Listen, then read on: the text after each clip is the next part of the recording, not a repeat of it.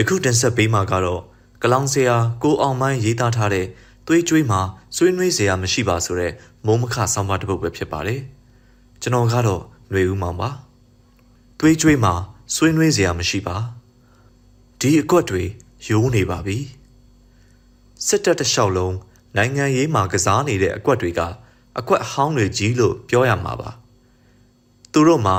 အကွက်တစ်တွေ၃နိုင်လောက်အောင်ခေါင်းလည်းမရှိသလို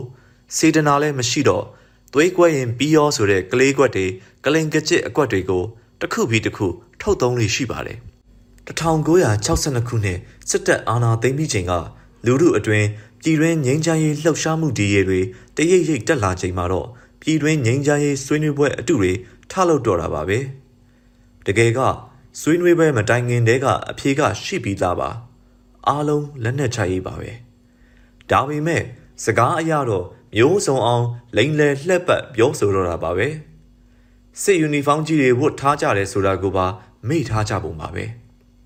ဆွေးနွေးပွဲကိုမပြတ်ပြတ်အောင်ဖျက်ပြီးဆွေးနွေးပွဲအတွင်းကရထားတဲ့ထောက်လှမ်းရေးသတင်းတွေပေါ်မူတည်ပြီးဗမာပြည်ကွန်မြူနစ်ပါတီကိုဖျက်လေးပြတ်ချိန်မုံကြီးလှုပ်ခဲ့တော့တာပါပဲဒီစစ်တပ်ဟာရက်ဆက်စရာရှိရင် ပပဆက်ဆက်ရက်ဆက်ကြသလိုရုပ်မာစရာရှိရင်လည်း ပတ်ပတ်ဆက်ဆက်ရုပ်မာလေးရှိကြပါတယ်။လိန်စရာရှိရင်လည်းယူနီဖောင်းကြီးတွေဝတ်အပွင့်ကြီးတွေချဲပြီးမျက်နှာပြောင်ပြောင်နဲ့ပဲလိန်လယ်လေးရှိကြတာစစ်အာဏာသမိုင်းမှာအထင်ကရဖြစ်ခဲ့ပါတယ်။စစ်အာဏာသိမ်းမှုတိုင်းလိုလိုမှာတိုင်းပြည်ကောင်းဆောင်တွေနိုင်ငံရေးသမားတွေကိုအစုလိုက်အပြုံလိုက်ဖမ်းဆီးလေးရှိပါတယ်။ ဒီတိုင်းပြည်ကောင်းဆောင်တွေနိုင်ငံရေးသမားတွေကိုလည်းအမြဲလိုပဲတစားကန်တွေအဖြစ်လိုရင်လိုသလိုအသုံးပြုလေးရှိတာလဲစစ်အာဏာရှင်အဆက်ဆက်လို့ပြောရမှာဖြစ်ပါတယ်1988ခုနှစ်လူထုအရေးတော်ပုံကာလတုန်းကလည်းလူထုကိုပတ်ပတ်ဆက်ဆက်တပ်ဖြတ်ခဲ့သလိုနိုင်ငံရေးခေါင်းဆောင်တော်တော်များများကိုဖမ်းဆီးထောင်ချခဲ့ပါတယ်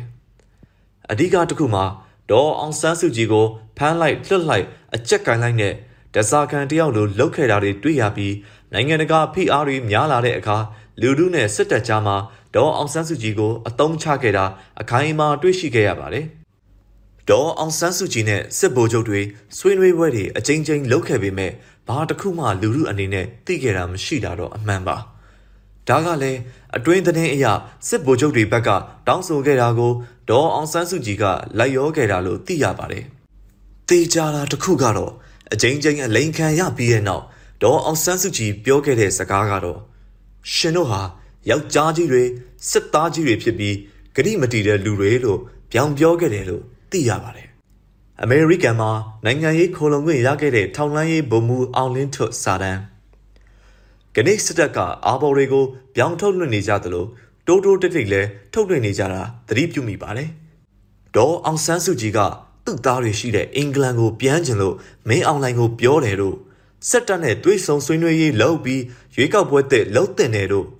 စစ်တပ်နဲ့ပေါင်းပြီးကြားဖြတ်အစိုးရလှုပ်တင်တယ်လို့တွေကိုစစ်မီဒီယာတွေကနေတဆင့်လေဘုတ်ထုတ်ဆေးတွေကြော်ညာနေတာတွေ့ရပါတယ်ပထမဆုံးလေဘုတ်ထုတ်ဆေးကြော်ညာကို7 days ဆိုတဲ့မီဒီယာခေါင်းစဉ်နဲ့လောက်ချန်ထုတ်ပြန်တာတွေ့ရပါတယ်တေချာတာကတော့ ဒီလိုသတင်းတွေကိုမိုးဟိန်းအပါအဝင်စစ်တပ်မီဒီယာတွေကအာဘော်တွေဖန်တီးနေတာဆိုတာမင်းအွန်လိုင်းအခြေအနေကိုခန့်မှန်းနိုင်မှာဖြစ်ပါတယ်မင်းအွန်လိုင်းမသိပဲဘယ်စစ်မီဒီယာဒလန်ကြီးစားကမှမလုတ်ရဲတာတေးကြပါတယ်ကျွန်တော်ဆိုလိုချင်တာကမင်းအောင်လိုက်မရှုနိုင်မကဲနိုင်အခြေအနေတခုကိုရင်ဆိုင်နေရပြီဆိုတာပါပဲစစ်အာဏာရှင်တွေမှာသုံးနေကြဖြစ်တဲ့လှုပ်တက်တာဖြစ်တဲ့နီးကတော့ပပဆက်ဆက်ရရဆက်ဆက်ဖိနှိမ်မယ်ချင်းချောက်မယ် တပ်ဖြတ်မယ်ဓာတ်ထပ်ပိုခုခံလာရင်ချော့မြူမယ်လိန်လေလှည့်ပြားမယ်လူထုကိုတွေးခွဲပြီးတယောက်ချင်းတစ်ဖွဲ့ချင်းကိုဖြိုခွဲမယ်ဆိုတာဟာစစ်တပ်ရဲ့သုံးနေကြနီးဟောင်းကြီးတွေပါပဲ။နိုင်ငံရေးအရာအကြက်အတဲဖြစ်တိုင်းလဲလိန်လယ်ပြီးဆွေးနွေးပွဲဆိုတာတွေလုံးလေးရှိပါတယ်။အဲ့ဒီကနေတစ်လူထုရဲ့ညီညွတ်မှုကိုသွေးခွဲလေးရှိတယ်။နှစ်သူ့အတွက်ထွက်ပေါက်ပိတ်နေတာကိုထွက်ပေါက်ရှားလေးရှိတယ်။သုံး အချိန်တစ်ခုရဖို့ဖြစ်စေစစ်တပ်အတွင်းမညီမညွတ်ဖြစ်လို့ဖြစ်စေဆွေးနွေးပွဲဆိုတာနဲ့ကြောနွားလေးရှိတယ်။လေးအစိုးဆုံးကတော့နိုင်ငံရေးခေါင်းဆောင်တွေကိုပြန်ပေးဆွဲထားပြီးသူ့အတွက်အခြေအနေတိတ်ဆိုးနေတဲ့အချိန်မျိုးတွေမှာပြန်ပေးဆွဲထားသူတွေကိုထုတ်သုံးပြီးဂွင်အသစ်တစ်ခုဖန်တီးလေးရှိတယ်။ငါနိုင်ငံတကာအခြေအနေပြည်တွင်းအခြေအနေကိုလှည့်ပြောင်းဖို့အဲ့ဒီလိုအချိန်မျိုးမှာမရှက်မကြောက်မျက်နှာပြောင်ပြောင်နဲ့ပလီပလာတွေလှုပ်လေရှိတယ် ကျွန်တော်ဒီအကြောင်းကိုရေးရတာကဒေါ်အောင်ဆန်းစုကြည်နဲ့မင်းအွန်လိုင်းတွေ့တယ်ဆိုပြီးအတီးပြုတ်လို့မရတဲ့စစ်တပ်ရဲ့စိုက်ဝါတနည်းပြောရရင်လူမှုအတွင်းဂျင်းအကြီးကြီးတစ်ခုထည့်ပြီးဖြိုခွဲနည်းတစ်ခုကိုတွေ့ရလို့ပါ theory အရလူတို့ကတနတ်တွေကိုအသေးခံအန်တုလာတဲ့အခါအခုလိုလူတို့ရဲ့ခုခံအာခံမှုတွေကိုရှော့ချပြီးအခြားတနည်းနဲ့လူတို့ကိုဖျားယောင်းပြီးဖြိုခွဲအသေးတက်နည်းကိုသုံးဖို့ရည်ရွယ်လှုပ်ဆောင်လာတာလို့ကျွန်တော်တော့ရှင်းရှင်းလင်းလင်းမြင်ပါတယ်။ ပြည်တွင်းကိုပလီပလာငြိမ်ညာဖို့စ조사သလိုအခြားတစ်ဖက်မှာလည်းနိုင်ငံတကာအစိုးရနဲ့ပြည်သူတွေကိုလိမ်လည်လှည့်ပြားဖို့လုပ်နေပြီဆိုတာသတိရှိဖို့လိုမှာဖြစ်ပါတယ်။ຫນွေဦးတော်လန်ရေးဆိုတာတဲ့လက်ရှိအခြေအနေက main online နဲ့ဆွေးနွေးဖို့ထက်လူပေါင်းတစ်ထောင်နီးပါးပတ်ပတ်ဆက်ဆက်ရိုက်နှက်နှိပ်စက်တပ်ဖြတ်တဲ့ကိစ္စတွေမှာ main online ဟာအတရားခံနံပါတ်1ဖြစ်တယ်ဆိုတာပြောရမယ့်အချိန်ဖြစ်ပါတယ်။နှစ် ဒီမော့ဆိုတပယ်ရင်ကနီးရင်ရွာမှာအရက်သားရွာသူရွာသားတွေကိုလူမျိုးတုံးတပ်ဖြတ်မှုမှာ main online ဟာနံပါတ်1တရားခံဖြစ်ကြောင်းပြောရမယ့်အချိန်ဖြစ်ပါတယ်။၃အသက်မပြည့်သေးတဲ့ကလေး90ကျော်တပ်ဖြတ်မှုမှာ main online ဟာနံပါတ်1တရားခံဖြစ်ကြောင်းပြောရမယ့်အချိန်ဖြစ်ပါတယ်။၄မြန်မာနိုင်ငံသူနိုင်ငံသားတွေခံစားနေရတဲ့ကနေ့စားဝတ်နေရေးဒုက္ခအားလုံးမှာ main online ဟာနံပါတ်1တရားခံဖြစ်ကြောင်းပြောရမယ့်အချိန်ဖြစ်ပါတယ်။ ငါမြန်မာနိုင်ငံသူနိုင်ငံသားအားလုံးရဲ့နိုင်ငံရေးစီးပွားရေးလူမှုရေးစတဲ့အပတ်ပတ်ကတိုးတက်မှုအားလုံးကိုရိုက်ချိုးပစ်လိုက်ပြီးမြန်မာနိုင်ငံသူနိုင်ငံသားအားလုံးရဲ့အနာဂတ်တွေကိုဖျက်ဆီးပစ်ခံခဲ့ရတာမှာမင်းအွန်လိုင်းဟာနံပါတ်1တရားခံဖြစ်ကြောင်းပြောရမယ့်အချိန်ဖြစ်ပါတယ်။6ကနေ့မြန်မာနိုင်ငံမှာကြုံတွေ့နေရတဲ့ COVID-19 ရောဂါကြောင့်ကူးစက်ဖျားနာသေချေနေရတဲ့အဖြစ်ဆိုးတွေ လူထုတကယ်လိုအပ်နေတဲ့အောက်ဆီဂျင်တွေအတွက်လူထုလှူထားတဲ့စက်တွေပစ္စည်းတွေကိုတချို့ကိုခိုးဝှက်ယူခဲ့ပြီးတချို့ကိုပတ်ပတ်ဆက်ဆက်ပိတ်ပင်တားဆီးဖျက်ဆီးနေတဲ့ကိစ္စတွေမှာမင်းအွန်လိုင်းဟာနံပါတ်1တရားခံဖြစ်ကြောင်းပြောရမယ့်အချိန်ဖြစ်ပါတယ်။ခုနှစ်မင်းအွန်လိုင်းဟာလူထုကိုလည်းမရှင်းနိုင်ကိုဗစ်ကိုလည်းမတားနိုင်တော့တဲ့အတွက်ကိုဗစ်တတိယလှိုင်းမှာစစ်တပ်ကောလူထုရောအလွန်ကိုထိခိုက်နာကျင်မှုတွေများမှာသိကြပါတယ်။ ဒီအတွက်မင်းအွန်လိုင်းဟာနံပါတ်1တရားခံဖြစ်ကြောင်းပြောရမယ့်အချိန်ဖြစ်ပါတယ်။လူထုအနေနဲ့အကြမ်းဖက်စစ်ကောင်စီနဲ့စိတ်ဆက်ဖို့တို့ဆွေးနွေးဖို့တို့ဆိုတာအချိန်ကျော်သွားခဲ့ပါပြီ။လူထုကိုစားစိတ်ဆက်ဆွေးနွေးရေးကိုတာဝန်ခံလို့မရတော့ပါဘူး။ဒေါ်အောင်ဆန်းစုကြည်လည်းတာဝန်ခံလို့မရတော့ပါဘူး။အာဆီယံလည်းတာဝန်ခံလို့မရတော့ပါဘူးကုလသမဂ္ဂလည်းတာဝန်ခံလို့မရတော့တဲ့အခြေအနေကိုရောက်ခဲ့ပါပြီတေချာတာကတော့ မင်းအွန်လိုင်းနဲ့မိသားစုဟာ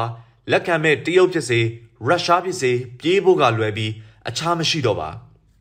မိသားစုလိုက်ပြေးဖို့လဲစီစဉ်ထားပြီးဖြစ်မှာပါလူတို့ကစိတ်ဆက်ဆွေးနွေးဖို့တို့အေဂျင့်စွာအဖြေရှာရေးတို့ကိုတရှောင်းလုံးငိမ့်ချက်စွာတောင်းဆိုဆန္ဒပြခဲ့ကြပါတယ်လူတို့ရတာကတနက်ကြီးစံတွေအရိုက်နှက်ခံရတာတွေအသက်ဖြတ်ခံရတာတွေနောက်ဆုံးပြောရရင်လူမြင်ကွင်းမှာလေးဘက်ထောက်လျှောက်ရတဲ့အထိ လူကုံတိတ်ခါလူတံမိုးတွေကိုပတ်ပတ်ဆက်ဆက်စော်ကားရိုက်ချိုးတာခံခဲ့ရပါတယ်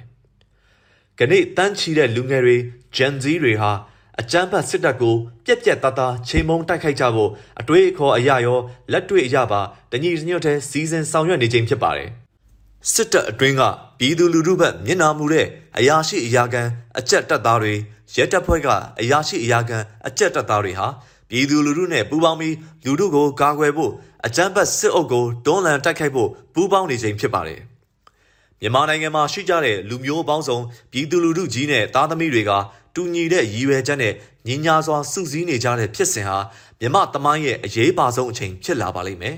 ။ဒီမျိုးဆက်တွေဟာမြန်မာနိုင်ငံကိုစစ်ဖက်နှက်အောက်ကလွတ်မြောက်အောင်တိုက်ပွဲဝင်ကြမှာအသေးအချာပဲဖြစ်ပါတယ်။အကြမ်းဖက်စစ်အုပ်စုနဲ့စိတ်ဆက်ဆွေးနွေးစရာဘာအကြောင်းပြချက်မှမရှိတော့ပါ။ တကဘာလုံးတနိုင်ငံလုံးဒီလောက်ညီညွတ်နေတာကိုအသေးအချာအခိုင်အမာကျွန်တော်တို့အစည်းအဝေးတွေရေးဆွဲနိုင်လို့ကတော့မဝေးတော့တဲ့ကာလတစ်ခုမှာစစ်အုပ်စုအတွက်ငရဲမေးရဲ့ရာဇပန်ရောက်လာတော့မှာပါ။လူလူကိုအလေးအနက်ပြောလိုတာကတော့ဒီမော့ဆိုကိုတတိယကြပါ။တပဲရင်ကိုတတိရကြပါကဏီရင်းရွာကိုတတိရကြပါမြန်မာနိုင်ငံတနိုင်ငံလုံးမှာတပ်ဖြတ်မှုတွေကိုတတိရကြပါဆိုတာပါပဲ ຫນွေဦးဒေါ်လာရေးမှာစိတ်ဆက်ဆွေးနွေးတယ်ဆိုတာလူတို့ကိုတစ္ဆာဖောက်တာပါပဲသူရဲကောင်းအာဇာနည်တွေကိုတစ္ဆာဖောက်တာပါပဲအသက်ဆွတိုက်ပွဲဝင်သွားခဲ့တဲ့လူငယ်တွေအပေါ်တစ္ဆာဖောက်တာပါပဲတနိုင်ငံလုံးစူးစီးညီညွတ်စွာအစီအစဉ်ကောင်းတွေရေးဆွဲကအကြမ်းဖက်စစ်တပ်ကိုအနိုင်တိုက်ရုံမှလွဲပြီးအခြားရွေးချယ်စရာမရှိတော့ကြောင်းပါအရေးတော်ပုံအောင်ရမည်ကိုအောင်မိုင်းဇူလိုင်18ရက်2021ခုနှစ် ယခုတင်ဆက်ပေးခဲ့တာကတော့ကလောင်စရာကိုအောင်မရေးသားခဲ့တဲ့သွေးကြွေးမှာဆွေးနွေးစရာမရှိပါဆိုတဲ့မုံမခဆောင်းပါးတစ်ပုဒ်ဖြစ်ပါတယ်။ဒီဆောင်းပါးကိုကျွန်တော်ຫນွေဦးမောင်မှဂုံယူစွာနဲ့တင်ဆက်ပေးခဲ့ပါတယ်ခင်ဗျာ။